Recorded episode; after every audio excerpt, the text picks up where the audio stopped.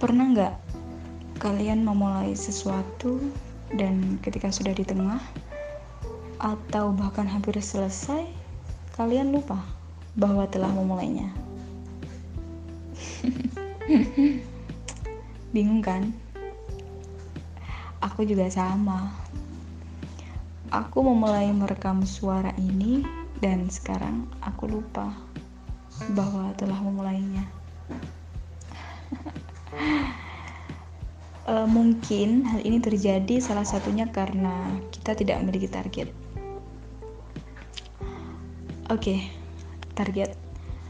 Ada sebagian orang yang giat memasang target atau pencapaian dalam hidupnya. Ada yang ingin juara, ada yang ingin kaya, ingin cantik atau good looking misalnya, atau mungkin terobsesi ingin lulus tepat waktu. Kalau bicara soal tepat waktu aku jadi bertanya sama diriku sendiri. Aku sudah sampai mana? Ya ampun. Uh, jadi mungkin begini ya dengan adanya target seseorang akan gigih memperjuangkan hal itu bahkan sejatinya itu bakalan tidak mudah. Harus bersusah payah melalui rintangan, harus bersabar dengan cobaan, dan mungkin harus siap menerima kekalahan.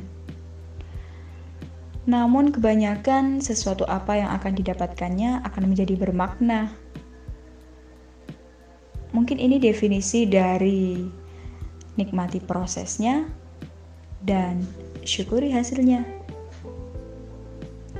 Jadi, sudahkah kita membuat sebuah list untuk sekarang ini?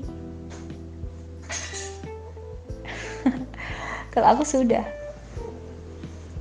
Buktinya, sebentar lagi aku akan menyelesaikan rekaman ini. Ah, sudah rekaman maksudnya.